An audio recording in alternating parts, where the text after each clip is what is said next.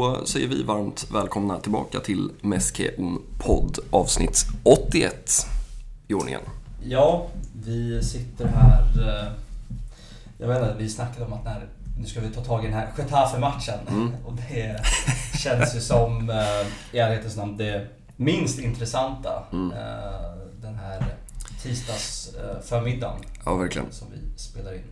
Ja, vi ska väl återkomma till, eller vi ska väl lägga stora delar av det här avsnittet på ja, en hel rad personer. Eh, Joan Laporta och eh, Negreira och någon ansvarig på Real Madrids eh, sociala mediekonton. Eh, Franco ska vi också hinna avhandla. Det kommer bli högt och eh, lågt. Eh, men eh, ja, vi ska väl börja på fotbollsplanen och eh, ja, det är inte allt för gemytliga mötet mellan Barcelona och Getafe här i helgen. Eh, tre raka matcher nu utan eh, mål. Ja, vad var det, vad var det Xavi sa? Det var sol och gräsmattan var Mm. torr. Mm. Då, eh, då slutar det... Då gör man inga mål. Nej. Man undrar om han är medveten om att hans liksom gräsberoende är...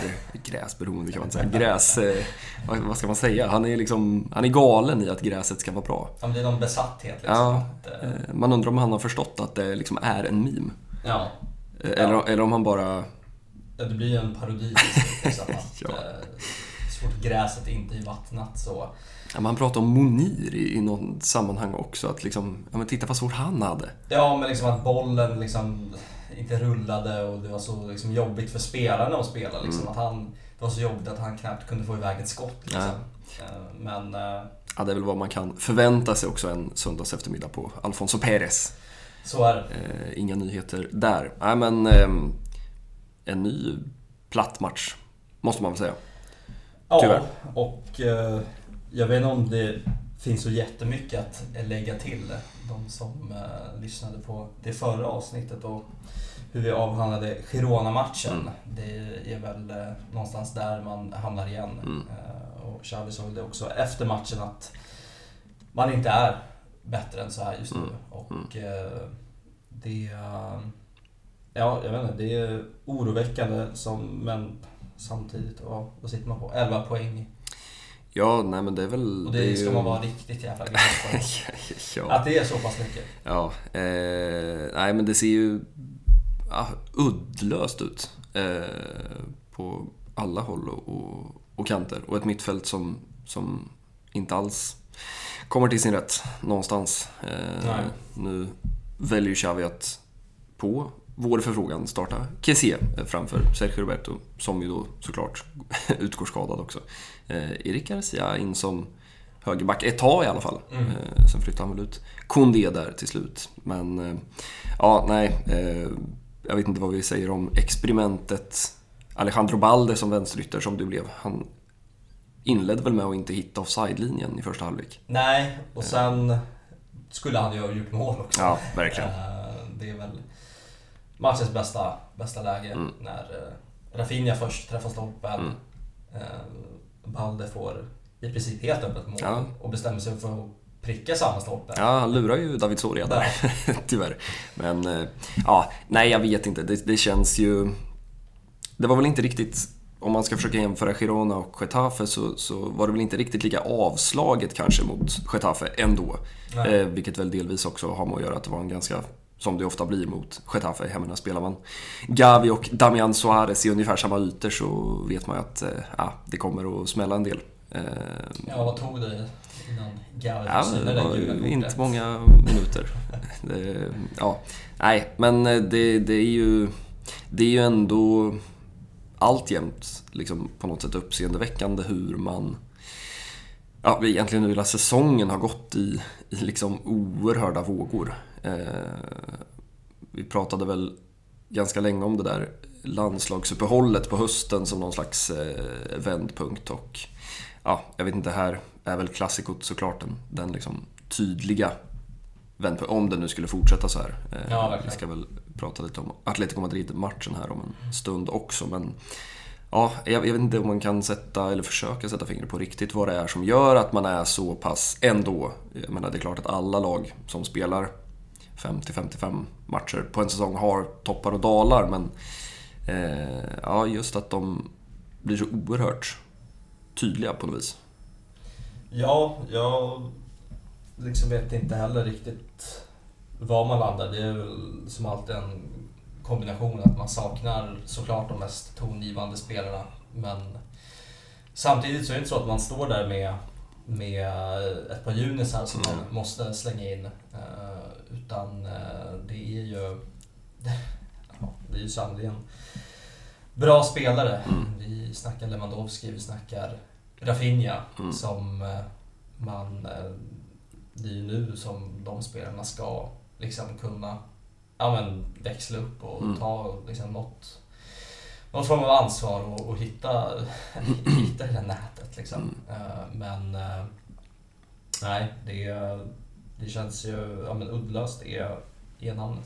Ja, men också liksom problematiskt just om man pratar om offensiven så ska man väl vara tydlig med att det är ju faktiskt inte, alltså med all respekt för att Ousmane Dembélé saknas, men det är också så att man har väl, antar jag då, om man värvar en Rafinha för 70 miljoner euro, eh, att det ska inte vara några problem. Och så har man sin Robert Lewandowski som man sålde av liksom, man in, drog in Palanchas Mm. för att få loss honom för en halv miljard. Och, ja, det är det här, det är så här det ser ut. Det är, eh, ja, jag vet inte riktigt vad man ska hitta på. Det blir väl Carrasco in i sommar eh, för att pigga upp den där anfallslinan. Men eh, ja, det är klart att det är, eh, det är problematiskt. Alltså det är väl en sak att, att prata om att ja, men mittfältet hackar lite. Ja, det skulle du nog göra i de flesta lag i världen om du saknar både en Pedri och en Frenkie de Jong.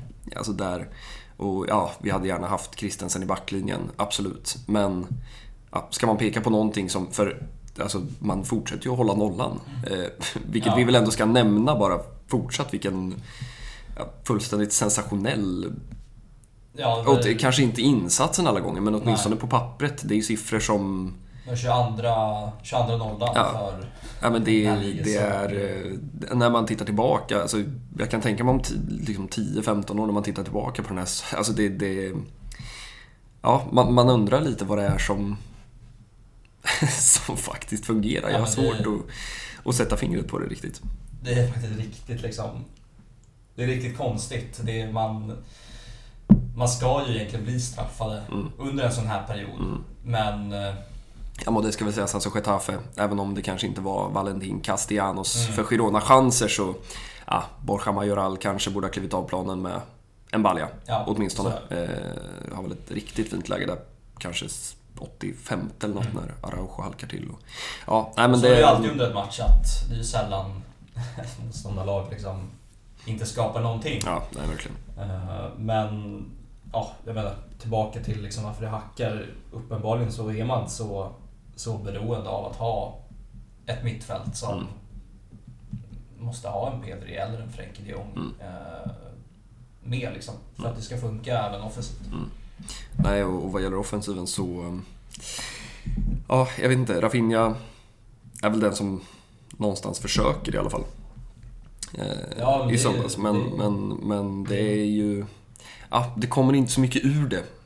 Tyvärr. Och eh, ja, när Robert Lewandowski ja, gör fyra mål på 12 matcher istället för 13 mål på 12 matcher som han gjorde under hösten. Typ väl. Eh, ja, det är klart att det, det gör skillnad och ja, att Ansu Fati sitter där på bänken och ser butter ut medan Alejandro Balde startar som vänsterytter. Ja, det, det säger mycket om mycket. Ja, vi sa väl det Eh, förra tyvärr. veckan att det hade varit det hade varit ett statement från Xavi Mm. och eh, vi, eh, ja, men han verkar ju ha lyssnat på, på oss på podden. eh, för den där startelvan såg ut som lite som vi liksom snackade om. Mm. Eh, och eh, nej, det är nog inte lättast att vara Ansu Fati just nu. Nej, och det blir väl spännande.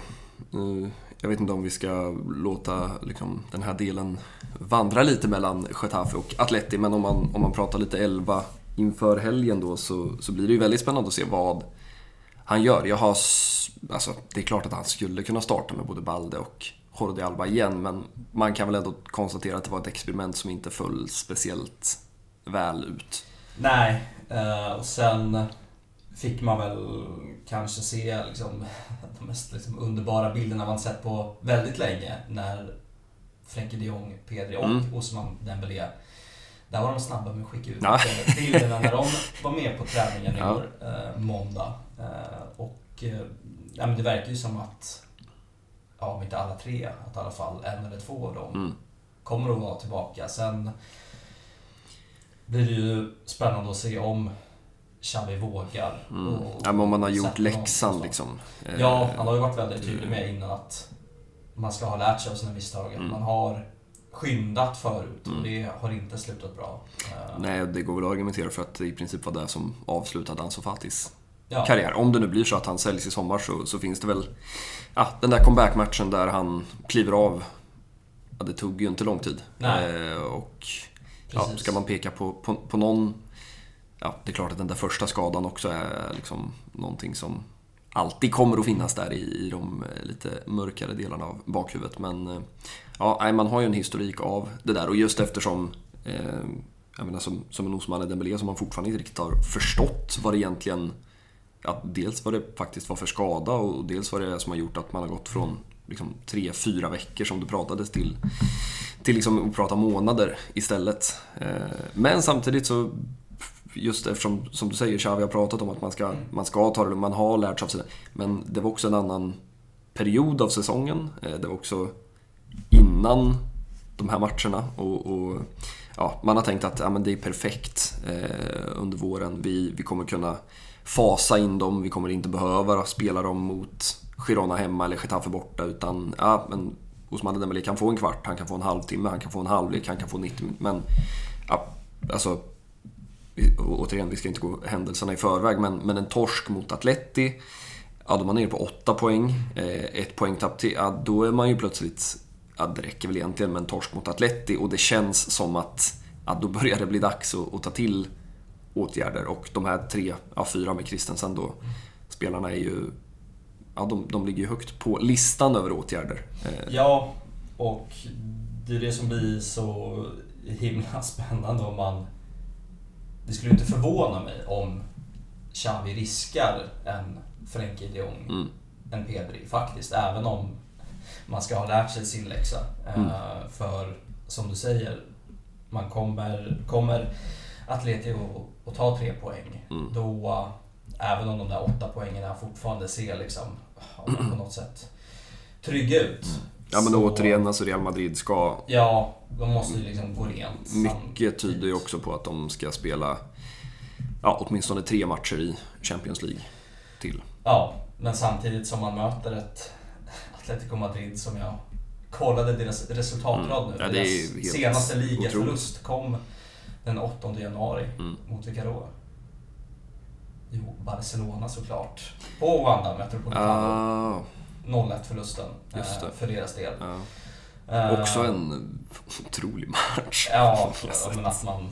Ja, faktiskt. På tal om smash and grabs. Ja, uh, och uh, de, de flyger och Griezmann ser ju sådär, ja, Griezmann bra ut som mm. han gjorde säsongen, när kan det ha varit? 15, 16 någonstans där. Ja, och, ja i den EM som krön, kröns med han var väl ett EM-guld ifrån att på riktigt vara ja, en kandidat till jo. Eh, alla möjliga utmärkelser. Verkligen, och det var väl någon CL-final något av ja, åren också. Ja, just det. Eh, så...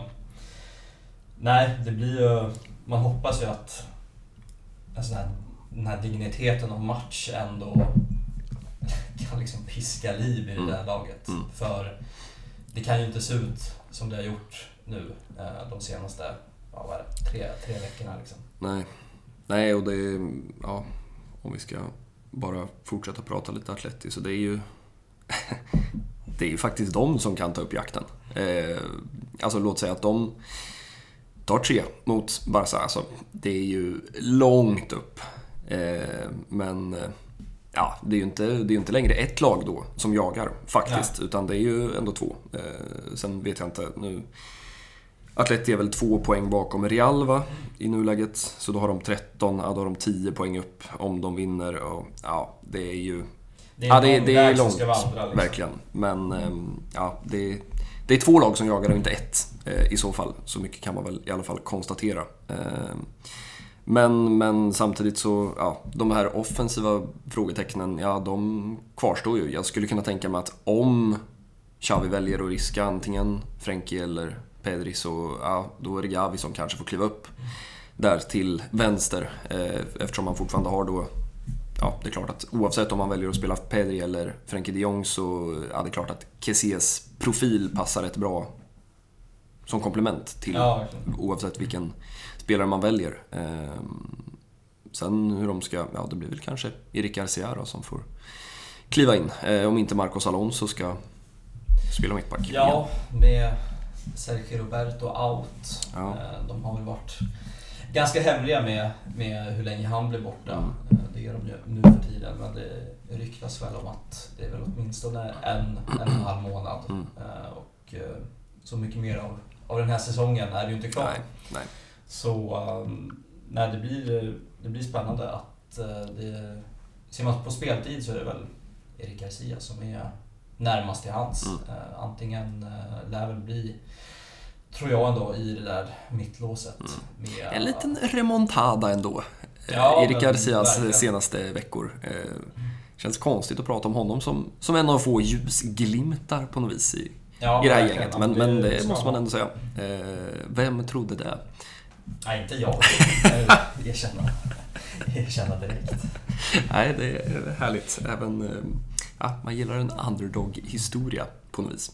Nej, men det, det, man, man har ju också ganska många, tjänster, framförallt Atleti på Camp Nou de senaste åren som har varit liksom ty... Vi pratar hela tiden om El Sadar-matchen här i december, men, men ja, jag tänker på Luis Suarez-matchen också, eh, när han kommer tillbaka till Atleti och eh, Barcelona ser sådär oerhört bleka ut som Mm. de kunde göra på den där tiden.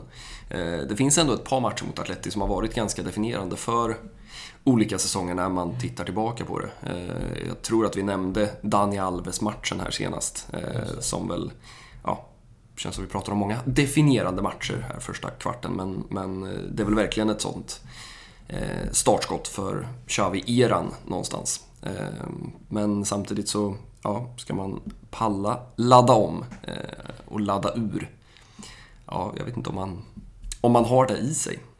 Nej, Riktigt. men Det- verkligen. Det, det känns som att det måste komma en, en reaktion nu. Eh, Och händer inte det så lär ju verkligen det liksom frågetecknen kommer ju inte att rätas ut.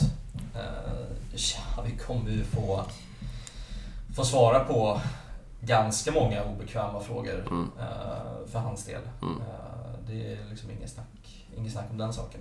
Nej, vi ska väl också ha med oss den här kontexten, jag tror att vi nämnde det förra veckan också, att om man då, men det är ju rätt tunga poster på journalistaltarna som har rapporterat om det ändå, att, att det ska finnas ett nytt kontrakt på bordet. Eh, och att det händer ju, eh, verkligen så i samband med det här. Eh, ja, det är ändå lite uppseendeväckande på något vis. Och man, man undrar, även om Xavi då själv ju har varit väldigt tydlig det har ju pratats om det i princip hela våren, men han har väl hela tiden varit väldigt tydlig med att eh, ja, men först och främst så ska vi spela den här säsongen och sen får vi se. Och det ska ju också sägas att liksom, kontraktet sträcker sig ju till, alltså, ytter, till sommaren 2024, så det finns ju ingen, ingen anledning, och det är väl också en stor anledning till att Xavi också känner att han inte behöver krita något innan, Nej. innan säsongen är över. Men eh, ja, man funderar ändå på vem i styrelsen som, som tänkte att det här var det rätta draget. Ja, men det var väl både Laporta och Alimani som var, väl framförallt Laporta som var tydlig med att man, man ville förlänga. Mm. Och de hade väl inte haft någon, någonting emot eh, att se Xavis signatur på det där pappret redan i liksom, februari. Mm. Eh, Ja, men kanske att det var lite rida på vågen eh, ja, ja, alltså, så. Och det är klart, hade, hade Xavi suttit där ja, men efter det an, eller ja, vad blir det, tredje klassikot Mm. då, då eh, och kritat det där, ja men det är klart, då hade man ju, ja, då hade ju tongångarna varit annorlunda. Eh, man ska också komma ihåg att det går, eh, det går fort i fotboll. Jag vet inte hur många veckor sedan det är. Eh, alltså när det liga klassikot när Kessie avgör om man har vunnit tre av tre klassikon eh, under våren. Eh, Men det var ju kan där i slutet, slutet på mars, Mm. eh, innan, eller mitten, innan det där landslagsuppehållet. Ja. Så det är väl, ja men, Ja, men det är inte många veckor sedan. en Liksom. dryg månad sedan. Eh, om man tänker, ja, på tal om, om toppar och dalar så ehm, Ja, det är eh, fascinerande på något vis. Eh, jag vet inte om vi ska säga någonting mer om, om offensiven. Eh, det är svårt att, spekulera i elvan såklart för att, ja men, ja, svårt att se att han skulle spela en Osman Dembélé från start. Eh, alldeles han- oavsett hur han mår eh, så, så känns det, det känns som en oerhört dålig idé. Ja. Men, men låt säga att han spelar Pedri eller Frenkie de Jong. Det är klart att det förändrar för då ska Gavi gå ner och då är Ansu Fati helt borta. Men, men eh, det blir ju verkligen upp till bevis, återigen, för både Robert Lewandowski och Rafinha som vi väl får utgå ifrån finns i den där Ja, elvan. Absolut. Eh, sen, ja, som sagt, det hade inte förvånat mig om han startade med både Frenkie och Pedri. Mm. Eh, och så Busquets eh, däremellan och då är det ju Gavi som, som säger får flyttas upp till vänster. Mm. Uh, Balde lär väl ta den där Ja, det känns väl så. Uh, och sen får man väl lägga sina pengar på Eric Garcia, Mm. Araujo och Condé i den Mm. backlinjen. Mm. Uh, sen, uh, ja, sen tror jag inte heller att det finns eh, en chans i världen för Osman Dembélé att, att kliva ut där till höger från start. Eh, Utan, eh, behöver man honom så kommer man skicka in honom. Mm. Säg att man har någon form av trygg ledning, vad nu det skulle vara. Så, så, Berätta gärna det. Ja, nej, men så 2-0. får man väl ja, men 2-0 75 Ja. Då tror jag inte han, han ens riskar att, slänga in honom. Nej. eh, faktiskt. Nej, eh, och det ska också bli spännande. Just på tal om Rafinha, då det ska väl säga som återigen var rosenrasande när han byttes ut mot Pablo Torre. Ja, Eh, och eh, det är ju inte första gången vi har sett det. Nej. Eh, Och eh, det har väl kommit lite uppgifter nu att Barca ska vara missnöjda Mm. med hur han eh, liksom, eh, ja, med hans beteende i de här situationerna. Det var ju... mm. Medan Xavi då, ska vi säga, fortsatt då pratar i termer om att ja, han gillar, han gillar att spelarna inte gillar att bli utbytta. Ja, Eh, det, det förstår man ju också. Liksom. Och det är väl någonting man säger, alltså man kan säga olika saker utåt och ja, inåt. det kan ju vara att, att man vill se det som någon form av sundhetstecken på, Mm. att, på att man vill ge allt. Liksom. Eh, Men, eh, nej, men det kommer ju rapporter om att man ska vara missnöjda och det var väl Oh, vilken match eh, nu det var. Men där han liksom sparkade flaskor Mm, och mm. hade sig och var tvungen att liksom gå ut och, och be om ursäkt efteråt. Och säga att Ja det Det här ska inte hända också. igen. Nej. men så är vi här några veckor senare. Mm. Och, ja, han var väl inne på något liknande spår om att eh, han hade bett om ursäkt men att det är svårt att kontrollera sina känslor. Mm. Eh, Mm. Ja, men jag, jag kan köpa det. Alltså, Ja, jag har aldrig riktigt... Sen kan jag tycka att just... Ja, så länge du har klivit av planen, så att säga. Jag, jag har lite svårt för att, att liksom inte kunna eh, klappa den som ska in Mm. på axeln. Alltså just den energin, det är väl en sak. Men så länge, och jag upplever ändå att Rafinha har klarat, alltså man måste inte se jätteglad Nej. ut när man kliver av planen. Men man, man ska ändå, men sen att man liksom slår, vad han nu gjorde, slog handen Ja. på bäs och så här.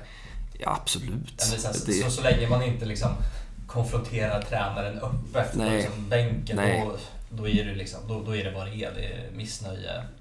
En flaska får ryka liksom. Ja. Sen, Ja, team Xavi här då. ja verkligen. och team Rafinha. Absolut. På något vis. Ja, men det, det, på tal om bara ska tillåtas att spinna vidare lite på Rafinha så, och Ousmane Dembélé då. Sen gissar jag väl att allt kommer sluta med att det blir Rafinha som kommer att vara ordinarie säsongen ut för att Ousmane Dembélé kommer inte hinna hitta tillbaka. Eh, så. Men det finns ändå något intressant i att det ändå det finns ju potential för att Ousmane Dembélé faktiskt hinner tillbaka och kan liksom vara fit for fight på riktigt de sista fem matcherna, typ. Eh, och det blir spännande då att se vad det gör med Rafinha, för Rafinha har ju haft en också en konstig säsong på många sätt. Alltså, man hamnar alltid på El Sadar, delvis. Eh, men ja, var ju inte alls, fick ju kanske inte alls den utväxling han ville. Långa stunder och sen förstod man, ja men ska han spela där ute till vän? Jag vet, vi har suttit många, många minuter i den här podden och pratat om det där. Ja men hur, hur ska man göra egentligen? Eh, och det här var ju liksom innan Xavi kom på att han kunde spela Gavi där ute. Eh, och, ja. och sen har man den här våren nu som har blivit där han dels då har fått ta på sig jättemycket mer ansvar än vad han trodde. Och kanske är det också det som har tyngt honom. Kanske är det därför han har spelat som han har gjort, delvis.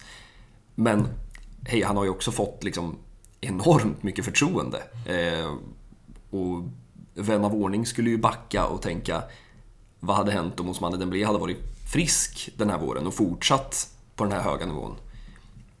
Jag tror att Rafinha hade varit en inhoppare hela jag har svårt att se att han skulle tagit plats i en... Det finns ju ingen plats för honom i en elva där Osmane Dembélé är hel och ren. Nej. Eh, det... det var väl den där första gruppspelsmatchen mot Bayern München mm. som eh, visade att Rafinha inte kan spela till, till vänster uh, med den där vänsterfoten. Uh, det, ja, men han är ingen Ferran Torres liksom. Uh, så. eller Alejandro Balde. Ja. Sen kunde det också ha sett väldigt mycket annorlunda ut i positiv bemärkelse för honom ifall en Pedri, ifall en mm. Frenkie de Jong hade varit Verkligen. hel under... Säg att de hade varit hela under hela den här våren. Mm. Liksom kombinerat med en Rafinha som får all den speltiden, all det förtroendet. Mm.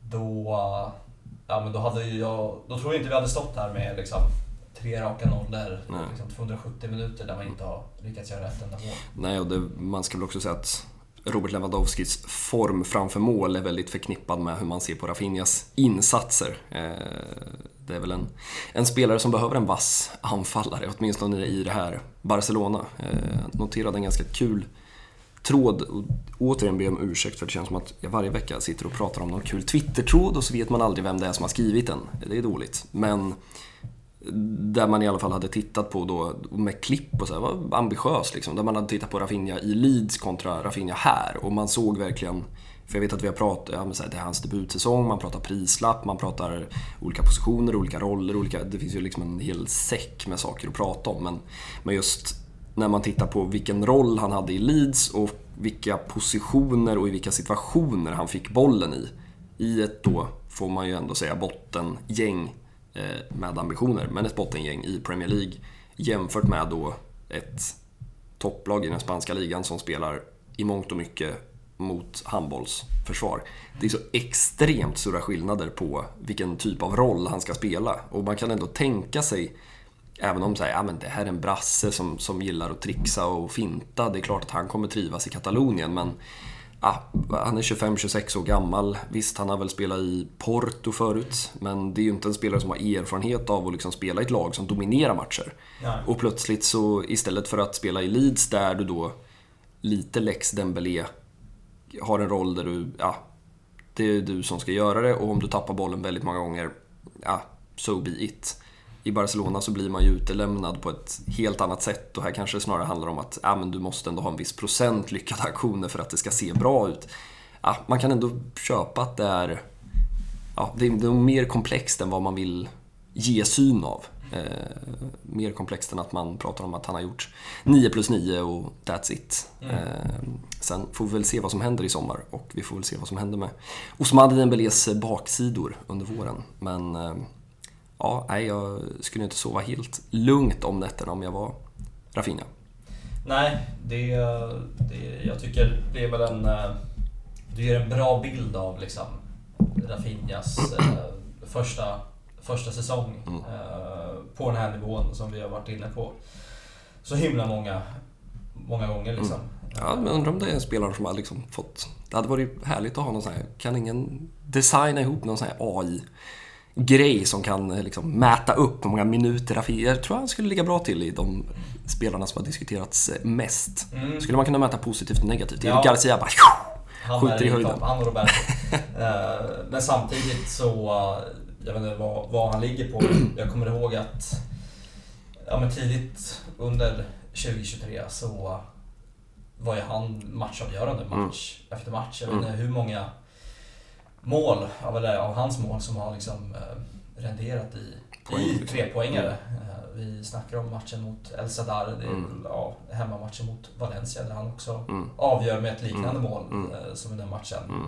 Och har väl ganska många sådana framspelningar också Ja. känns så. Alltså där liksom, ja men Lewandowski pockar in någon boll och och vem är det som har öppnat upp med ett piskande hårt i? Ja men det är Ja. Rafinha. Alltså, så att, Ja men verkligen och bortamatchen mot Athletic Club. Mm. Bara där snackar vi nio poäng Mm. där han ja, men var- varit direkt avgörande. Mm. Eh, Så det är en säsong som, eh, ja men det är väl nu den, den står och väger. Mm. Eh, ja men det är mycket som står och väger. Ja, men- Samtidigt som liksom hela, hela Barcas säsong. Man, det har varit en stor diskussion i, i Spanien i alla fall att det har varit en, ja, men någon form av enkel liga. Mm. Och Xavi var väl inte alls nöjd när han fick höra det. Mm. Eh, För vinna en eh, ligatitel gör man ju inte bara, bara sådär. Nej. Eh, Men att just... Jag kan vända mig lite mot det här så att det skulle vara... Alltså det är klart att Real Madrid inte... Men så här, ja, nu kommer det inte bli några hundra poäng eftersom man slirar nu. Men, Mm. men samtidigt så... Ah, en liga en liga. ja, någonstans. ja men verkligen. Så. Sen hade man ju absolut velat gå in i den här, vad är det, nio, nio matcher kvar. Mm. Med liksom positiva vindar Mm. istället för att man på något sätt ska kryssa sig igenom och sen kanske i de ja, sista, när det återstår sex, fem Mm, mm. omgångar, liksom ja, men avgöra det hela. Eh, så eh, nej, en, eh, en trepoängare på Camp Nou mot Atletico Madrid och med förhoppningsvis en, liksom, en bra insats Mm. som underbygger det hela hade ju gjort så otroligt mycket för inte bara att man rycker och kanske liksom Ja men det känns som att liksom avgör, då... men, att Ja, man, men att man får liksom, liksom lite jävla optimism eh, runt hela klubben. Mm. Liksom. ja, Mesque un partido. Ja men så, så kommer det verkligen vara. faktiskt. Ja men det känns väl ändå så. Jag menar, som du säger, alltså, man vill ha mer än bara tre poäng. Men det känns som att en trepoängare, att då, då kan vi väl skriva av den här ligasäsongen någonstans ändå. Ja, Eh, med respekt för att man har en del liksom, halvkniviga matcher kvar så är det inte så att man ska... Ja, det är inte Larial, Betis, Villarreal och ett klassiko kvar utan ja, tre poäng i helgen och en förlorad ligatitel efter det. Det skulle väl vara det största fiaskot som har... ja, skett, liksom, jo, så, Ja, någonstans. Då kan ju Xavi knappt vara kvar på, på Nej, då, tränarbänken nästa nej, då blir det, då blir det näsdukarna på... på eh, ja, eh, vad är det vi alltid pratar om? Mallis va? är väl sista matchen. Ja, sista hemmamatchen. 28 maj eller något. Sen ska man till, upp till Vigo va? Ja, det är härligt att man har koll på de där två sista. sista så här, vilka möter de efter Atleti? Har ingen aning. Ja men det är väl, eh, det är väl eh, någon, eh, ska vi här, det är är ju inte mer några knapptryck Nej, bort det är nu för tiden. alltid härligt. Eh, Men eh, då, då är det ju Rayo borta. Ja, och den Sen- är ju... Ja. Sen har man två, två raka hemmamatcher mot Betis och eh, Osasuna. Mm. Och sen eh, är det det där härliga Espanyol Ja, derbyt just det, eh, just det. på bortaplan som också betyder så himla, himla mycket för, för det gänget. Ja. Eh, jag vet inte, vi kan ju bara slänga in att Valencia torskade mot Mm. Sevilla i en otroligt viktig match Ja. för båda lagen. Ja. Och nu, eh, ja, Valencia och Espanyol på nedflyttningsplats. Mm. Tre poäng bakom Mm. Almeria. Ja. Herregud. Nej, det är, vilken, ehm, vilken, liksom, vilken ångest det är i, i, Ja, i botten nej, man kan inte liksom. riktigt... eh, Ja, nej, fy fan. Eh, Jag tänkte bara avsluta med att säga det också att man... Vi har väl suttit lite under våren och pratat om just det här att, ja men vill man möta den här klassikern, vill man möta, ja vi ska möta ett bottenlag den sista, ja fan vad gött. Ja, nej men det, det är ju faktiskt bättre att möta Celta Vigo, Mm. typ så. Men det finns ju också något i den här La Liga-säsongen att, att det kommer inte vara så många lag som, som ja, det det är väl kanske lag, vadå, 9 till Ja men typ, 13, alltså det är typ väl en... Mallorca liksom. Ja, det är väldigt få lag som, som faktiskt, och framförallt än så länge, alltså för så här, ja, Celta och Mallis och de här, att de är inte säkra just nu. Nej. Eh, Så. Jag menar, det är ju ganska jämnt uppe i toppen också oavsett om man tittar på liksom, den där sista Champions League-platsen som det ju kan bli ett jäkla race om. Eh, Men också de här, och det är alltid svårt att säga, ah, vill man spela Conference League eller inte? vill man spela ja. Men eh, ja, det känns som att det, ja, den där diskussionen behöver också sin kontext den här La Liga-säsongen för att ja, det kommer bli... Det kommer att spetsas till. Ja, det kommer bli ångest på, på många eh, platser. Ja, nej men det... Vi, ja, vi behöver väl inte uppmana någon att sätta sig i soffan på söndag.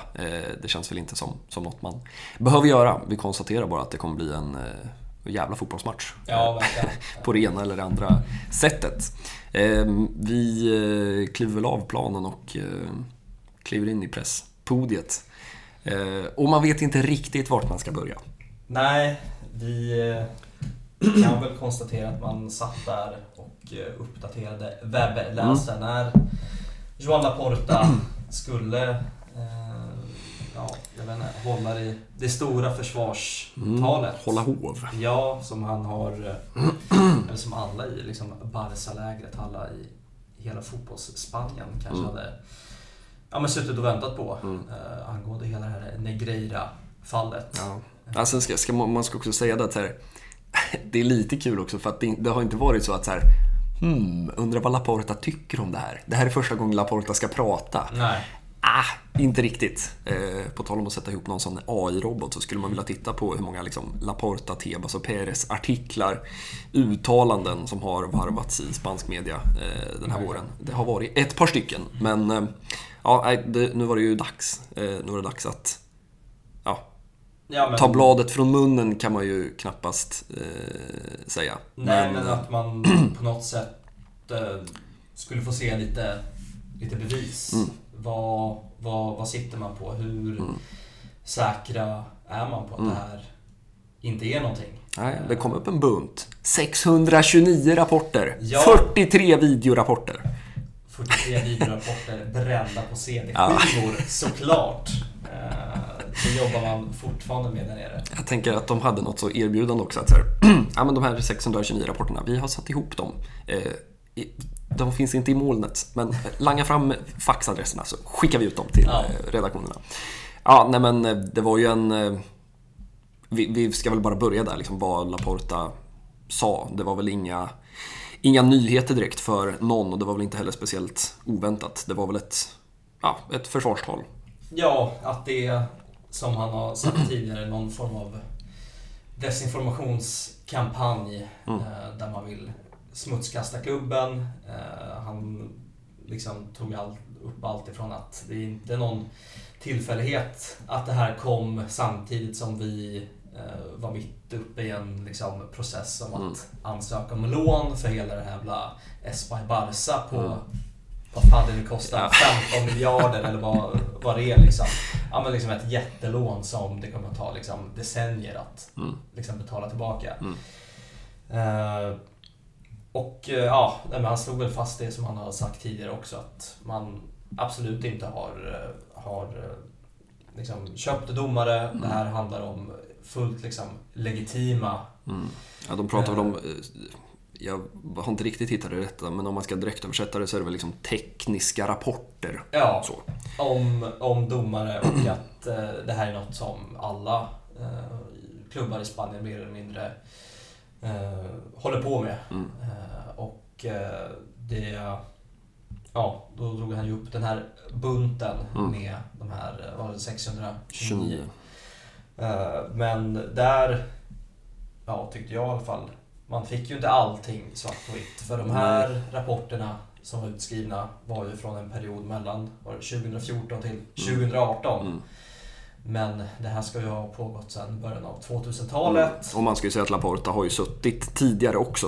Absolut. Eh. Men där var han väl inne på att eh, de här behövde man, de, tidigare behövde man spara i fem år mm. på grund av ja, men liksom någon form av liksom legal, att du måste sitta på dem. Mm. Eh, någon form av liksom bokförings... Mm. Ja, men dokumentationsplikt typ. Ja. Men att de, den tiden är över, därför finns de inte kvar. Mm. Och eh, det är ju inte, det är inte glasklart liksom. Man Nej. hade ju gärna velat ha någon form av full dokumentation från ja. början till slut, men det verkar ju inte finnas. Nej, men jag vänder mig också lite mot det här. Liksom, det här gör alla andra klubbar, men okej. Okay. Eh, alltså, gör de det? Ja. Alltså har alla klubbar betalat ut liksom 7 miljoner euro Ja, men, under den här tiden? ja, Och men det, det kom ju ut ja. någonting att Real Madrid, äh, jag kommer inte ihåg vad, vad den domargubben heter, Mm. men att eh, Real Madrid till exempel har en, ja, men en tidigare domare som man betalar för liknande rapporter, Mm. men det ska vara liksom helt transparent liksom. Mm. Eh, Ja, men det finns väl också, man pratar väl om det här liksom att, ja men okej de har betalat den här snubben men liksom, ja, det sitter personer i den här kommittén som liksom har uttalade Real Madrid-sympatier. Ja, det, det kastas ju liksom paj åt alla håll men jag måste säga fortfarande inte... Ja, det, man har fortfarande fler frågor än svar. Ja men det Eh, finns ju fortfarande frågor som måste, måste besvaras. Ja, men och varför, alltså så här, okej, om man då har betalat för att, om man då ska tolka det, försöka tolka det, alltså man har betalat för garantier om neutralitet. Ja, Ja, alltså det, och sam, är... eh, där var han ju också inne på att eh, Negreira ska ju haft något, något sånt uttalande. Mm. Eh, och då var väl Laportas försvar att ja, men det, det, var, det var hans, liksom, något sätt, eh, motiv eller det han ville göra, men Mm. att det inte ska vara något uttalat från klubben. Mm. Att det är det här vi kräver Mm. på något sätt. Ja, men det är också så, för det verkar inte heller som att det riktigt finns dokumenterat exakt vad, alltså mellan då Negreira och klubb. Alltså det verkar som att det finns väldigt stora luckor. Jag vet inte hur det har funkat, alltså om de har slutit liksom på något sätt. Ja, men det är någon på kontoret som har liksom, eller de har träffats på en liksom cortado på torget. Det är, ja, Ja, och sen är det ju... det är... eh, sa han ju också att det är liksom Negreiras eh, son som Mm. ska ha varit någon form av... Eh, ja, men det är han som ska ha fixat de här rapporterna, Mm. inte pappa Negreira Mm. som tidigare har varit eh, eh, liksom vice, vice chef eh, liksom i den här domar, kommittén.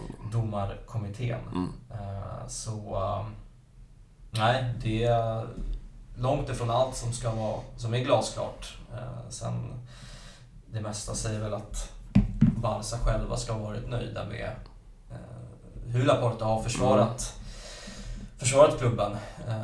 Ja men då där, där kan man väl någonstans här, jag vet inte hur många gånger vi har tagit de två orden politikern och Laporta i våra munnar i den här podden. Men det tåls ju ändå upprepas återigen och återigen att ja, där är han ju skicklig. Eh, Ja, så är han vet ju vilka kort han ska spela och eh, jag kan tänka mig att han ibland också har några kort under bordet, så att säga. Ehm, Och ja, men som du säger, de, de interna rapporterna, de interna källorna säger ju att eh, ja, men det, det ska liksom vara good vibes ändå. Man, man känner väl att man ja, har gjort vad man kan eh, någonstans. Men, Ja. men eh, det, det är också någonting att man sitter här efter ett par månader och fortfarande inte riktigt vet vad man ska liksom tänka och tycka och ja, det är också svårt att fortfarande, det är för snurrigt liksom. Det är för knäppt. Ja.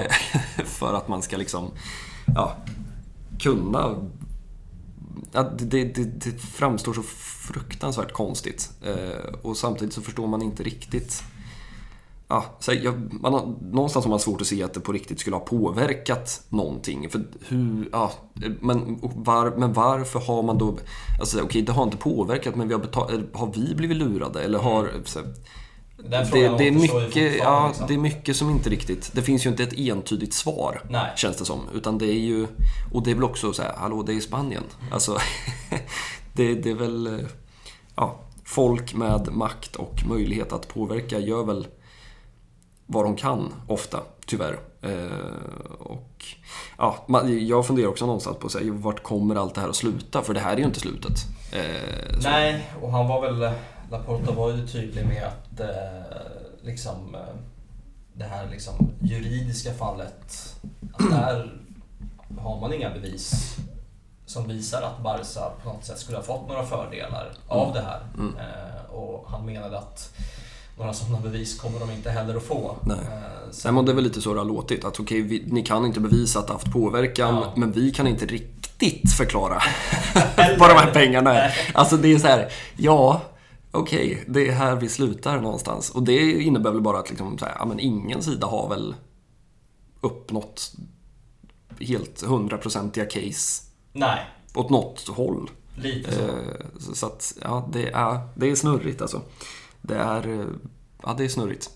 Ja, men och sen kom det ju liksom såklart, eh, som du var inne på, någon form av liksom pajkastning. Mm. Eh, Ja, men han kan inte hålla sig. Nej, det är Eh, klart och det- att kängorna ja. skulle delas ut. Och Ja, men var det ju- är synd. Eh, måste, eller det är liksom min det ärliga kunde, åsikt. Det kunde, det kunde ha liksom, man kunde ha klarat sig utan det på något sätt och istället Ja. fokuserat helt på, på sig själva kanske. Ja, och sen jag antar ju då utan att liksom ha lunchat med Laporta innan vi kom hit, men, men jag kan ju tänka mig att han är så jävla förbannad på att Real Madrid klev in i det här caset. För det är ju någonstans där liksom det tog eld på riktigt. Det är klart att alla förstår att om det här, liksom, de här uppgifterna kommer om Barca, ja, men det är klart att alla hoppar ju på tåget. Alltså det är ju fullständigt självklart eh, att, att liksom folk...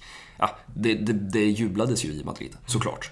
Men någonstans så tror jag att när Real Madrid gjorde sig själva till en formell del av caset eh, ja, jag tror att någonstans där så börjar det liksom brinna i knutarna på Laporta och det är väl det som har hängt i och vi har pratat om det liksom länge att ja, men, klassikoluncherna ställdes in och, och Javier Tebas pratar i media om att Laporta ska avgå. Laporta pratar om att Tebas ska avgå. Eh, så att det har ju varit ett öppet krig och, Ja, och någonstans så tror jag att det är verkligen. väl det där som gör att då ja, Laporta kan liksom inte hålla sig. Eh, och Ja, jag, jag har lite svårt att vi ska komma till liksom följderna av det här men, men någonstans så har jag lite svårt att se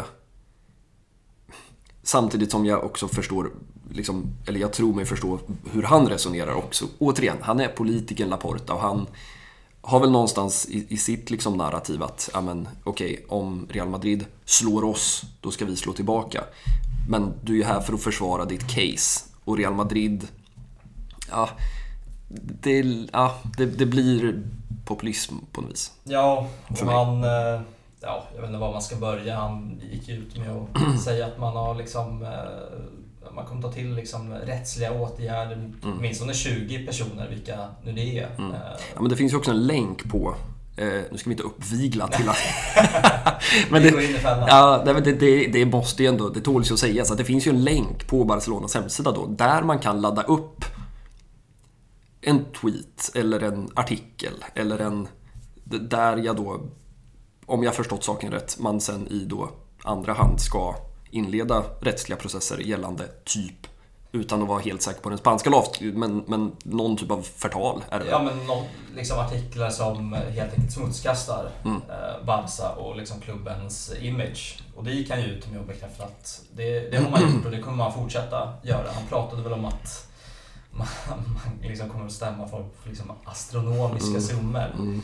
Ja, men det har väl varit i, jag vet att det har ju varit rapporter liksom tidigare om att liksom, ah, men den här, den här Marca, ah, han tog bort den där tweeten. Mm. Nu börjar det liksom brinna i knutarna här också. Och det, ja, som sagt, det, Spanien är Spanien. Men det kan väl också bara tålas att nämnas när man pratar om allt det här. Att, jag vet att vi har pratat om det någon gång förut på tal om liksom Tebas, Laporta, eh, Florentino Perez. Alltså skulle liksom, ja, vad då motsvarigheten blir. Det är väl typ då SEF blir väl lite... Men skulle liksom Mats Enqvist sitta och tycka att Manuel Lindberg i AIK ska... Och då skulle Lindberg... Alltså det, det framstår ju som så... Helt bisarrt. Ja, liksom. och det är ju det. Men det är ju för att det är i Spanien. Alltså, någonstans måste man väl bara ha det sagt att så här... Mm. Ja, och, och detsamma med media då. Eh, liksom det är... Det är inte samma land, kultur, medielandskap, fotbollslandskap, politikerlandskap. Eh, det är... Eh, ja, det är en egen liten värld. Ehm, men... Vi ska... ah, vi måste väl... Eller ha... Det är väl ungefär... Har vi liksom fått ner det som Laporta ville framföra. Typ, tror jag. Eh, Men... Då för att spinna vidare på det som väl misstänker jag kommer uppta det största medieutrymmet i Spanien den här veckan är ju där Laporta då säger i den här Real Madrid-harangen och han kallar väl då klubben för El Equipe Regimen, alltså regimens klubb. un club que s'ha considerat a l'equip del règim, que històricament ha estat considerat el- a l'equip del règim de torn. Ja, Eh, någon, någonstans liksom eh, stats, eh, stadsklubben. mm, Eh, statsmakten Ja, huvudstadslaget som, eh, ja, som han enligt honom då historiskt sett Mm. har liksom eh, haft, eh, fått fördelar. Mm. eh, Ja, från- men och poängen är väl någonstans att ni kan inte sitta här, regimens klubb, som alltid haft fördelar och peka på oss nu. Typ. Ja men, ja, men han gick ju, exakt, han gick ju öppet ut och sa att det var liksom, vad sa han, någon liksom cynisk, liksom, ja nu har jag helt tappat ordet. Ja men att de... Dubbelmoral. Ja, att de är, det är dubbelmoral på, på Mm. högsta nivå liksom. Mm. Ja, nej, men och, och, och då tänkte man att ja, men det här, det är väl så här det funkar. Eh, det är liga... Eh, som sagt, jag har inte hittat någon riktigt bra översättning på Assembly än, men Ja, lig, ligamöte, Ja träff, ja, men någon stor liksom... klubb eh, och Ja. representanter kommer och eh, förbundet kommer och eh, ja, han sa ju helt enkelt att jag kommer att vara där och Mm. eh, Javier Tebas och Florentino Perez förväntas ju vara där. Eh, och Laporta sa jag pratar gärna om det här. Där skulle man betala för att vara en fluga på Ja, fy väggen. fan i helvete. När de tre liksom eh, Sätter sig ner. och ska skaka hand. Ja, på någon slags så eh, spanska varianten av Scandic. I någon så lobby. Ja. Ja, nej, eh, vi får väl se hur det blir med det. Men eh, man, man trodde ju lite att, eller jag trodde i alla fall att, ja men okej, det här var, det är det här vi har kommit överens om. Klockan 11 idag så kommer det smälla lite och sen går vi vidare eh, som vanligt och den här eh, cirkusen ska, ska rulla på. Eh, men eh, ja, det var väl ingen som hade kunnat tro att det här liksom skulle bli en parentes. För det är det ju faktiskt, antar jag att det kommer bli. Eh, med tanke på den video som Real Madrid dundrar ut på Twitter sent igår kväll. Eh, strax efter klockan 10. Eh, och ja, jag, återigen, det är nästan svårare än någonsin att, ja, att veta var man ska börja. Eh, man kan väl börja med att bara eh, råda alla att köpa diverse historieböcker och typ läsa Sid Lowe's bok om den här rivaliteten. Eh, det finns mycket, mycket skrivet eh, om det här, men eh, ja, om man ska, jag vet inte om vi bara ska börja med att försöka kort summera vad som finns i den här videon. Ja, men man kan väl säga att videon är ett svar på, på det Laporta sa att Real Madrid på något sätt är statsmakten, regimens lag. Mm. Eh, Då dundrar de ut en video som... eh, Tonsatt med oerhört eh, stråk... eh, Ja, dramatisk stråkmusik liksom. Ben tots, eh, afavorit per les decisions arbitrals. Un club que s'ha considerat a l'equip del règim.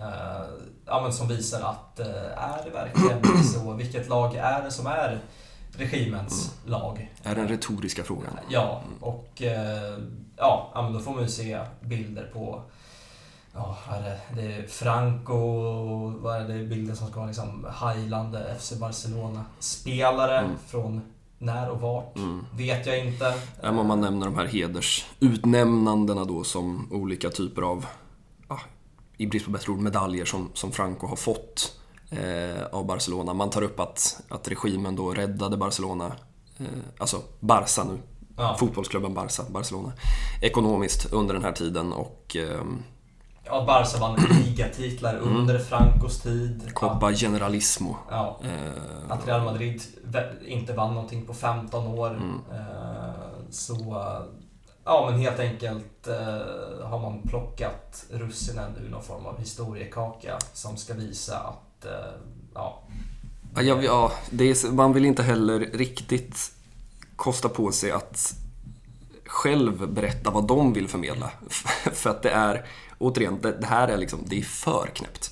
ja det Eh, är, det är, det är, eh, jag vet, alltså i brist på, det är ganska färskt nu och kanske behöver vi en vecka av liksom spansk medierapportering och man behöver sova några nätter på saken men jag kan liksom på rak arm inte komma på en kommuniké från en fotbollsklubb som är knäppare än det här. För att det är, och då ska vi väl bara börja med, för att vara väldigt tydliga här med att, och det pratade vi redan om för tio minuter sedan, men, men att ja, att Laporta inte kan hålla sig ifrån att, att liksom kasta den här första pajen då. Eh, och han vet ju vad som väntar. Sen tror jag inte att Laporta hade förväntat sig det här riktigt.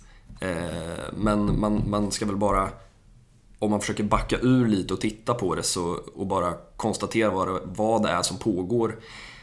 Ja, men så är det ju två klubbar, två fotbollsklubbar, två av världens största fotbollsklubbar som liksom i nuläget gör decennier av ett fascistiskt en fascistisk diktatur, ett fascistiskt ledarskap till någon slags fotbollsdebatt på, i media och i sociala medier. Och det är så jävla smaklöst så att det saknar motstycke. Alltså man tänker på, ja, utan att bli för dramatisk, men på alla de eh, som och, så här, det är ju inte länge sedan heller. Alltså Franco dog 75. Så att det finns ju...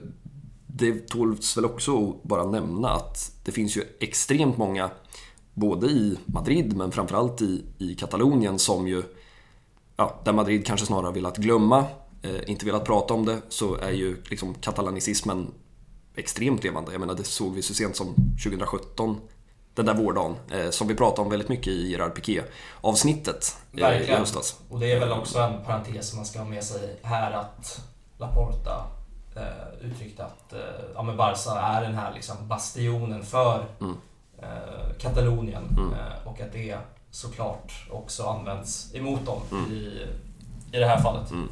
Ja, men alltså det, det är... Ja, nej men ja, det var där, dit jag skulle komma. Att liksom, det finns ju så många människor som idag fortfarande påverkar. Alltså det säger ju sig självt och om man liksom bara går tillbaka till liksom när det började, alltså på 30-talet. Alltså, det är ju inte så långt tillbaka. Alltså, vi pratar ju om mångas ja, vad är det, alltså mor och farfäder. Typ. Eh, så att det lever ju liksom kvar. Jag menar man skanderar ju i princip varje match på Camp Nou, framförallt i klassikorna eh, för den som noterar att man vill ha sin, sin frihet fortfarande. Och det finns ju en stark liksom, frihetsrörelse både i Katalonien och i Baskien.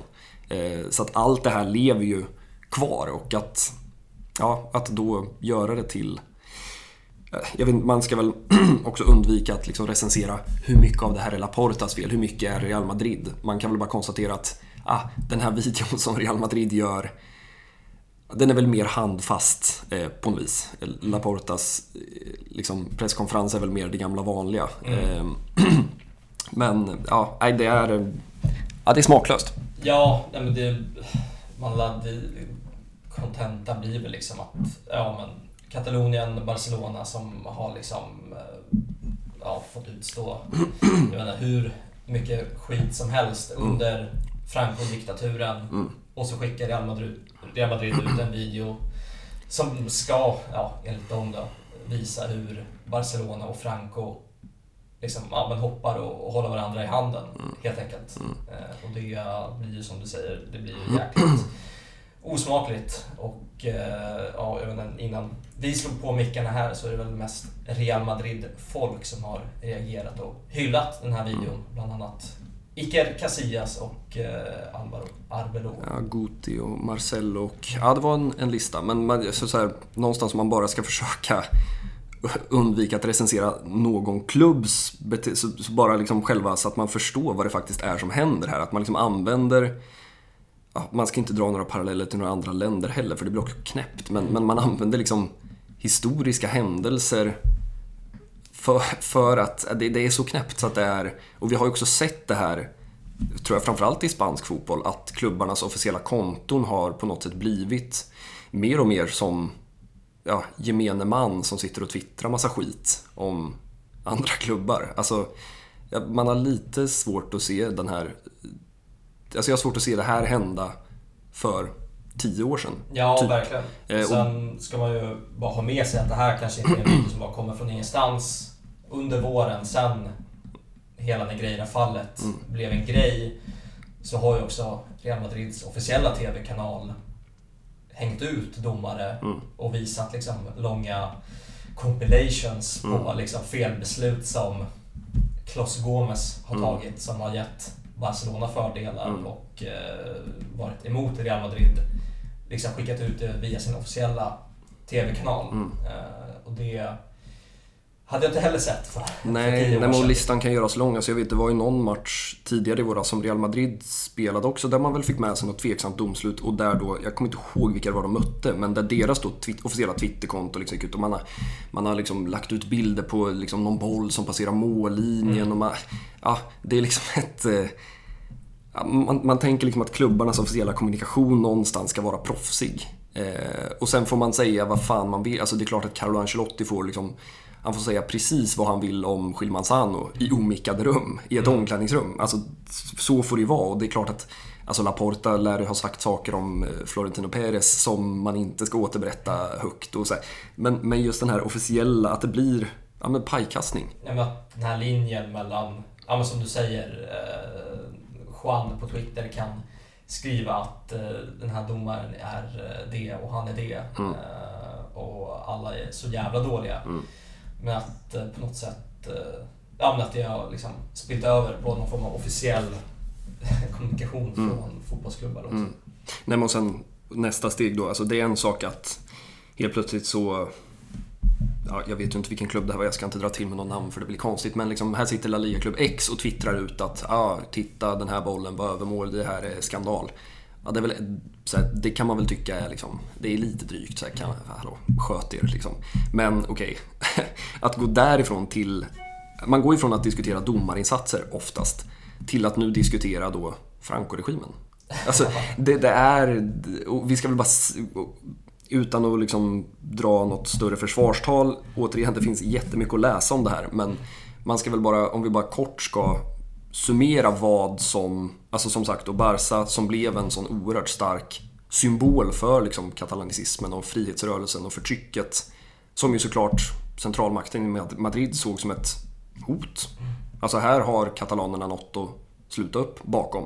Eh, och det idag så fruktansvärt urvattnade Mesqué Unclub. Det är ju här allting tar sin början. Eh, och ja, Josep Sunyol, den gamla klubbpresidenten, blir mördad. Man får inte längre ha sina officiella dokument på katalanska. Man får inte ha den katalanska flaggan, senjeran, i sitt... Eh, vad säger man? I logotypen. Eh, man tvingas då att döpa om klubben från Fotboll Club Barcelona till... Alltså från FCB till CFB, Club, Club de Fotboll. Barcelona. Eh, så att det man gör är ju att försöka liksom radera bort det katalanska, helt enkelt. Och ja, varför fick Franco de här medaljerna? Varför tycktes man ha band med Franco? Ja, hur fungerar diktaturer? Vilka tror ni att man placerade på ordförandeposten i styrelserummen i Barcelona? Ja, det var ju personer som var lojala till Franco. Alltså, så, och vem vann titlar? Vem vann inte tid? Ja, det är så dumt så att det, klockorna stannar. Ja, Och vi ska väl också säga att vi spelar in det här på tisdag förmiddag. Den här videon kom sent igår kväll. Vi sa det innan vi satte på mickarna här att man fick ju inte se några första sidor på varken Sport eller Mondo. De fokuserade såklart enbart på liksom, Negreira PKn eftersom det här kom så pass sent.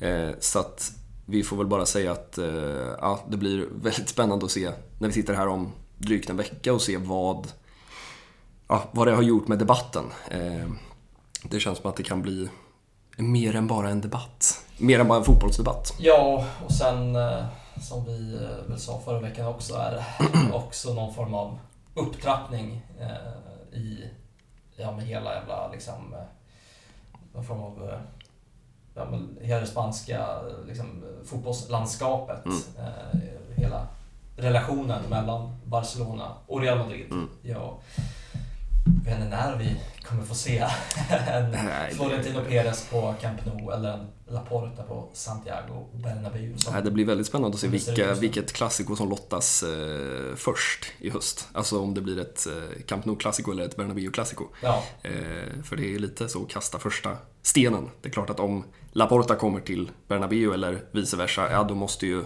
motparten komma tillbaka sen. Men om ja, verkligen. person X bojkottar så kommer... Vinner Barcelona titeln kommer man få se de här eh, liksom, Twitter-gratulationerna från, Ja. från de spanska klubbarna.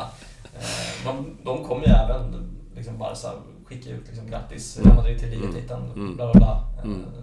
Det händer ju. Och det har ju de också gjort när Barca har vunnit. Ja. Men det är spännande det- att se om man får se Det, något sånt den här våren. Ja, nej, det är det stora och, och det lilla. Och vi ska väl också, nu tror jag inte ens vi har nämnt Superligan än.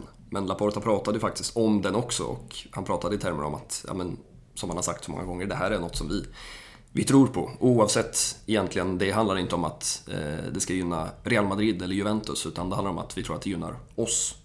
Ja, verkligen. Sa han. Men ja. man vet ju också att, jag menar, ska det bli en superliga, oavsett om vi bara lämnar vad man tycker om det helt utanför diskussionen, så kommer det inte kunna bli en superliga utan att Real Madrid och Barcelona lappar sin relation.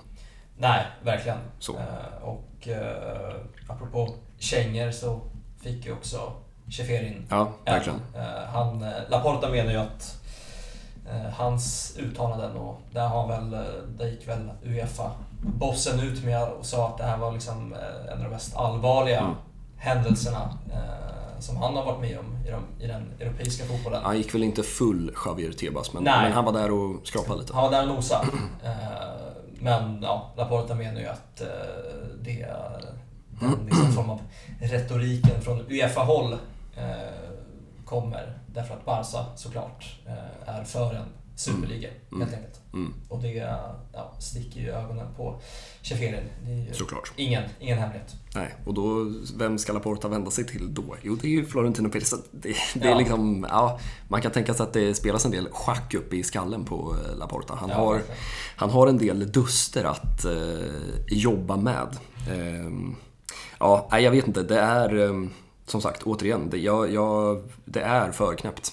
Eh, jag vet inte om vi, om vi har någonting mer på kakan. Det känns som att man skulle kunna sitta här väldigt länge och eh, Ja, gå, gå i åtter runt saker. Eh, Ja, men verkligen. Uh, nu, om man- om man ska blicka framåt så får man väl se om den här ligaträffen, ligasamlingen, Mm. om, något, eh, om något kan komma ut därifrån. Mm. Eh, Imorgon onsdag så.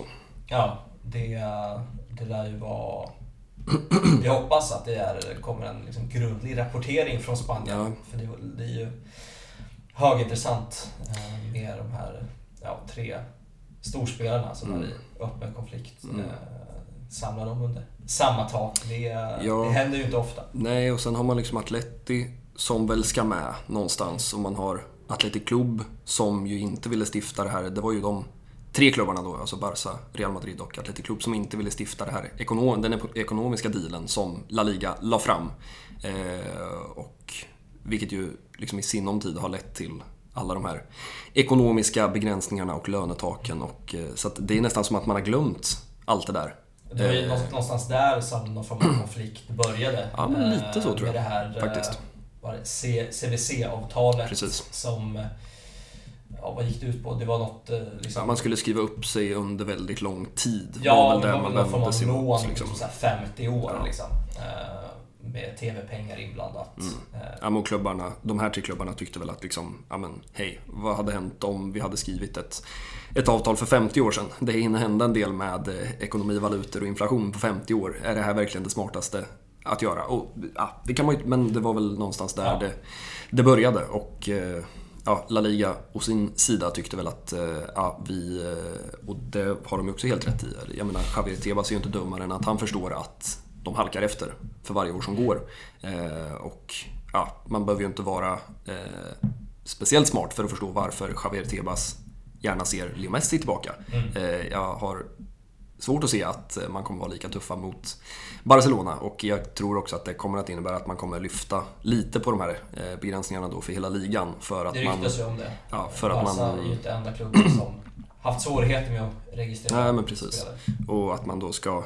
Ja, de rapporter, om vi bara ska prata lite Messi, så är väl de rapporter som har kommit att Barca då ska ha lagt fram någon typ av ekonomisk plan ja, redan för ett par veckor sedan för La Liga. Som då La Liga inte riktigt ska ha varit nöjda med, men man ska då ha passat tillbaka den här bollen och eh, Barca får väl sätta sig vid ritbordet igen. Eh, och man lär väl komma på någon, någon smart lösning, för det är klart att Ja, det ligger väl i allas intresse i princip, eh, vågar jag ändå påstå. Nästan till och med Real Madrids. Eh, att Leo Messi kommer tillbaka till La Liga.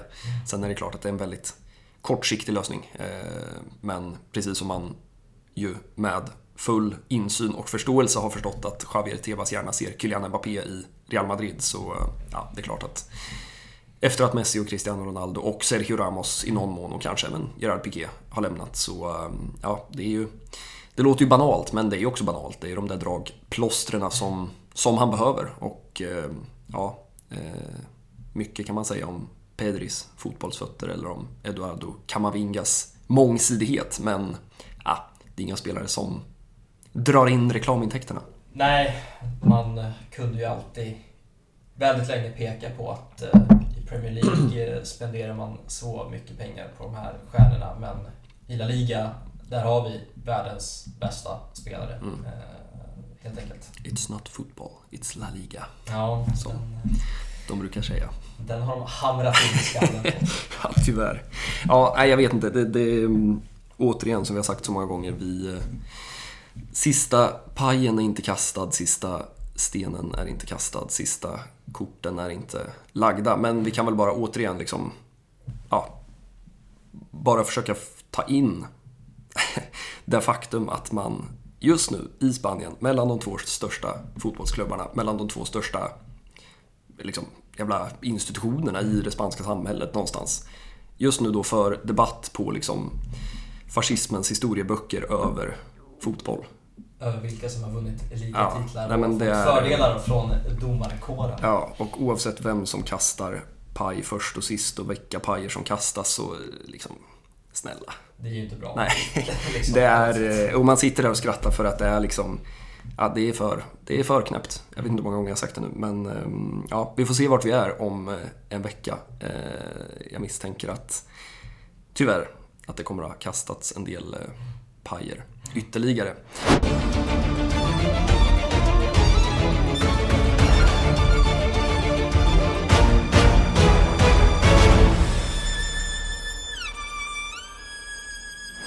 Det, men det ska hända lite, lite kul också ju, om vi ska ta oss tillbaka till, till fotbollsplanen. För att det är ju en, eh, en säsong, det blir tvära kast här, men det är ju en säsong som, som ska avgöras, som ska definieras också inom, eh, ja vad blir det, fyra, fem dagar. Och då pratar jag såklart om Barca Femini och Champions League-semifinalerna mot Chelsea.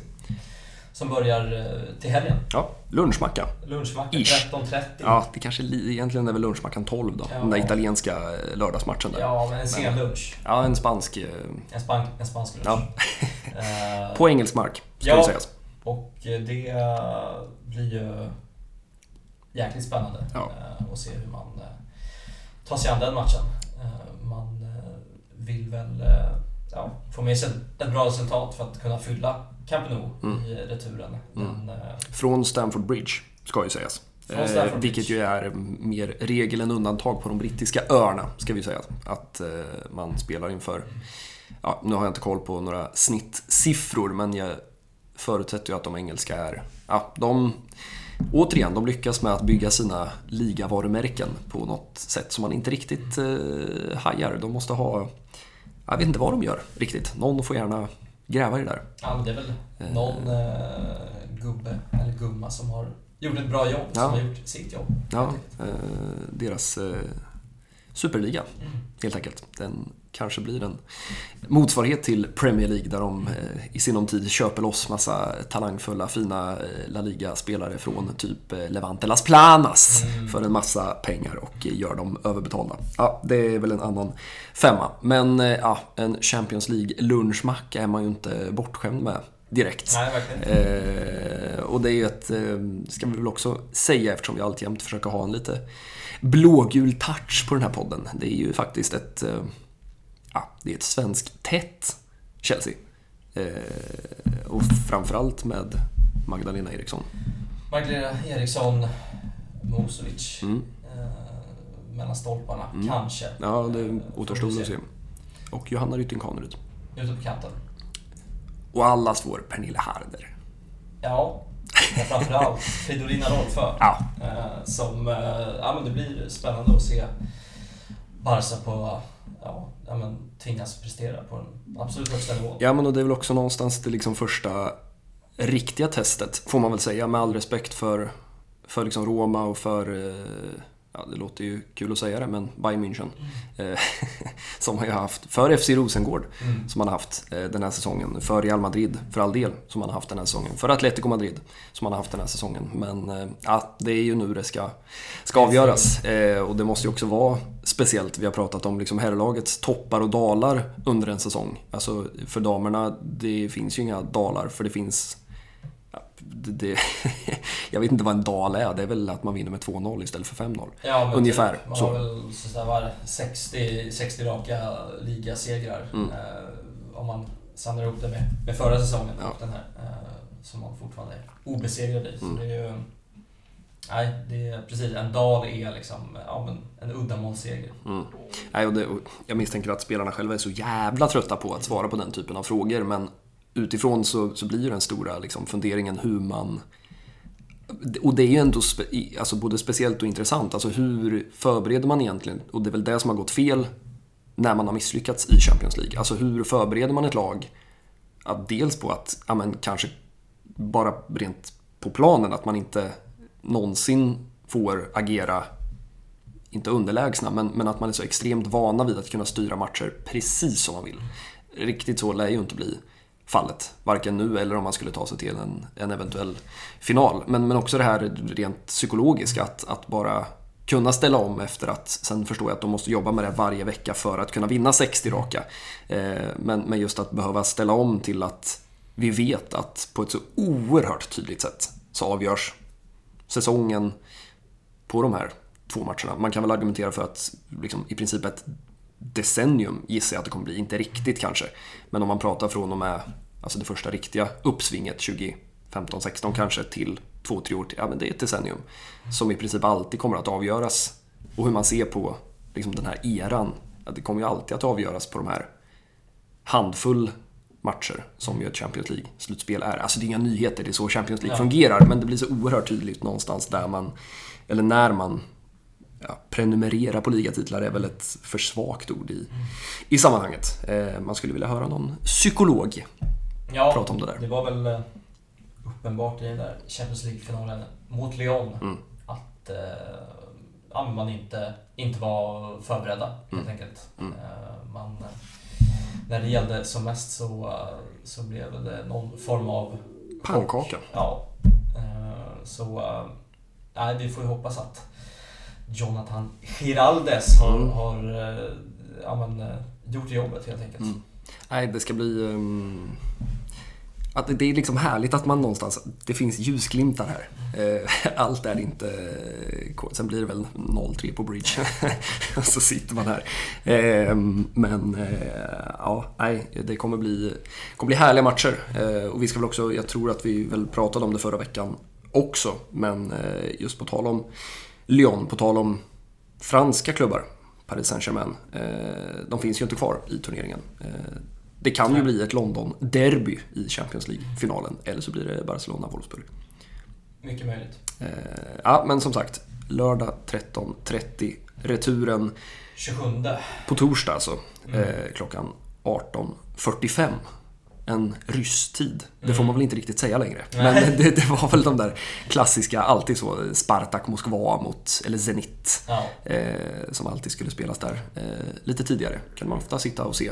Det var ofta mm, lite halvobskyrt möte. Zenit, Ja, Porto inga eller något. Nej, man kunde, ja det var härligt liksom. Och vintermatcherna. Eh, det lär väl dröja innan ryska klubbar spelar Champions League igen. Känns det väl som. Eh, ja, vi behöver inte prata mer om Ryssland. Eh, men vi ska väl eh, Ja, vi ska väl bara säga också att det spelas ingen ligamatch däremellan de här två mötena. Eh, La Liga har gått all in. Eh, jag vet inte vart man skulle ha klämt in den i och för sig. Det hade blivit jävla tufft att spela, Ja, eh, vadå, lördag, tisdag, torsdag. Det hade Ja. varit osmakligt på en ny nivå. Men eh, två raka. Jag vet inte om det är bra eller dåligt. Det är lite speciellt i alla fall, får man väl säga. Ja, det är, ja, Men, eh, får väl ändå se det som positivt att man kan gå in med fullt fokus eh, på, i det här dubbelmötet. Ja, men slippa den där ligamatchen som Ja. allt som oftast blir, ja, framförallt i det här läget när man inte har så mycket att spela om. Ehm, vi ska väl också bara avsluta genom att konstatera att eh, Rafa Marquez vittrar igen. 3-0 Såklart, mot. Logroñez på hemmaplan. Och då måste man ju ändå vara uppe på någon form av playoff. Ja, nu är det tredje plats här. Ja. Eh, det är ju två lag där i toppen som bland annat Real Sociedad spellag, eller är jag helt fel på det? Som, eh, ja de har ju några poäng ner där. Så det är ju, ja, det är ju några lag där mellan plats, ja vad kan det vara, tre och sju Mm. eller något som ligger där på, ja det är lite La Liga bottenstrid-vibbar. Eller La Segundas eh, uppflyttnings-race-vibbar. Eh, Roberto Fernandes, tvåmålsskytt. Han som skulle bli, ja, den där härliga målskytten som skulle stänka en 15 baljor. Det blev Victor Barbera som tog den rollen, men han är eh, Ja, han är väl anfallarnas Gerard Gumbau. Han ser inte riktigt ut att... Eh, ah, man förstår att han inte är från La Masia om man säger så. Men eh, ah, när det gäller så kliver han fram och stänker in två bollar. Och eh, ja, sex omgångar kvar och... ehm, Mm. Sex poäng upp till den där direktplatsen. Ja. Som är, ja, om man vill ta hem hela ligan. Mm. Eh, sen, som du säger, mellan plats 2 och 5 så är det ju 6 poäng och Barca 3 på 53 pinnar. Så Ja. eh, det är ju jämnt som, eh, som bara den. Liksom. Ja, ja men det, är- det är tre fronter som... Man, man, gillar också att, att man liksom... Ja, men herrlag spelar om att behålla anständighet på något vis. Damlag ska liksom ta den där jävla tronjäveln. Och eh, Rafa Marquez mannar ska... De ska upp och slåss. De ska upp och slåss om en plats i liksom, eh, ja, världens längsta playoff-turnering. Ja. turnering, Ja, liksom. nej, det, det ska, eh, ska göras specialavsnitt om de där eh, junimatcherna på något uselt konstgräs borta i... De brukar ju få resa iväg då också. Eh, Det brukar ju sluta så. Eh, De spelar ju rätt lokalt fortfarande i de här eh, uppdelade eh, serierna. Men eh, ja, någon usel konstgräsmatta uppe i Vigo eller någonting som avgör om det ska bli Segundan eller inte. Eh, är ju jävligt länge sedan man var uppe där. Eh, det brukar vara rätt häftiga matcher för de som inte har koll på sin La Segunda så eh, ja, det finns ju en del storheter. Eh, där, måste man ju säga. Alltså att få åka till Zaragoza och lira fotboll, det tackar man ju inte nej till. Eh, det, potentiellt så skulle vi ju kunna få se en Rafa Marquez på sidlinjen på Mestalla nästa Det är- säsong. Det är, det är svindlande. Eller på liksom Corneilla. Ja, den... ehm, ja, Det kan inte varit en... Det är nog inte det alla Espanyol-fans sitter och drömmer om. Nej, man- Barca Athletic. Nej, man, man önskar verkligen att... eh, Eller man tänker sig att Rafa Marquez har liksom printat ut små A4 med, med liksom eh, Espanyols hemmaarena och liksom printat upp i... målbild, Ja, liksom. printat upp i, i eh, omklädningsrummen. Nej, men det, det hade ju varit... eh, Vi har ju mest suttit och liksom bara rabblat resultat här hela våren. Det är väl på sin plats att bara konstatera att så här, det är ändå jäkligt skoj att ha dem där uppe. Och eh, det ger en också ja, mer anledning att eh, sitta och kika på den där Segundan med allt från, som sagt, Real Zaragoza till eh, FC Andorra, Såklart. typ. Ja, nej, vi eh, håller tummarna för att man eh, håller i och håller ut eh, de här sex omgångarna. Eh, talangerna, ja, bäst när det gäller. Kanske. Eller inte. Rafa. Marquez står kvar på sidlinjen ett tag till. Vi får väl se om det rycks i honom i sommar från alla möjliga håll. Inte konstigt med världens bästa smeknamn. Kan, man, kan vi få det. El Kaiser de Michoacán. Ja, det är eh, Såklart. sex getingar åt alla håll.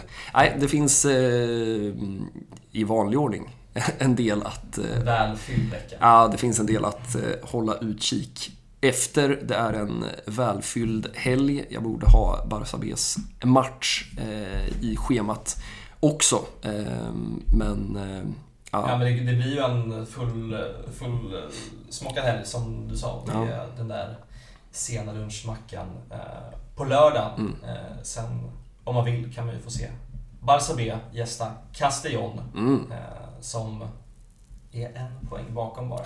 I, så det är ju en eh, riktig, riktigt viktig fight. mm. Eh, och så Barca, Atletico Madrid eh, på söndagen där 16-15. ja, det är bara att hålla i sig och eh, läsa kolumnisterna i Mondo och Sport och hålla koll på vilka historiska händelser vi ska prata om i fotbollskontext nästa vecka. Man vet aldrig. Eh, Vi signar väl ut för idag och eh, säger på återseende och på återhörande, kanske lite klokare, kanske lite mer förvirrade om drygt en vecka. Ciao! Ciao! Tot el camp és un clam. Som la gent blaugrana, tant se val d'on venim, si del sud o del nord.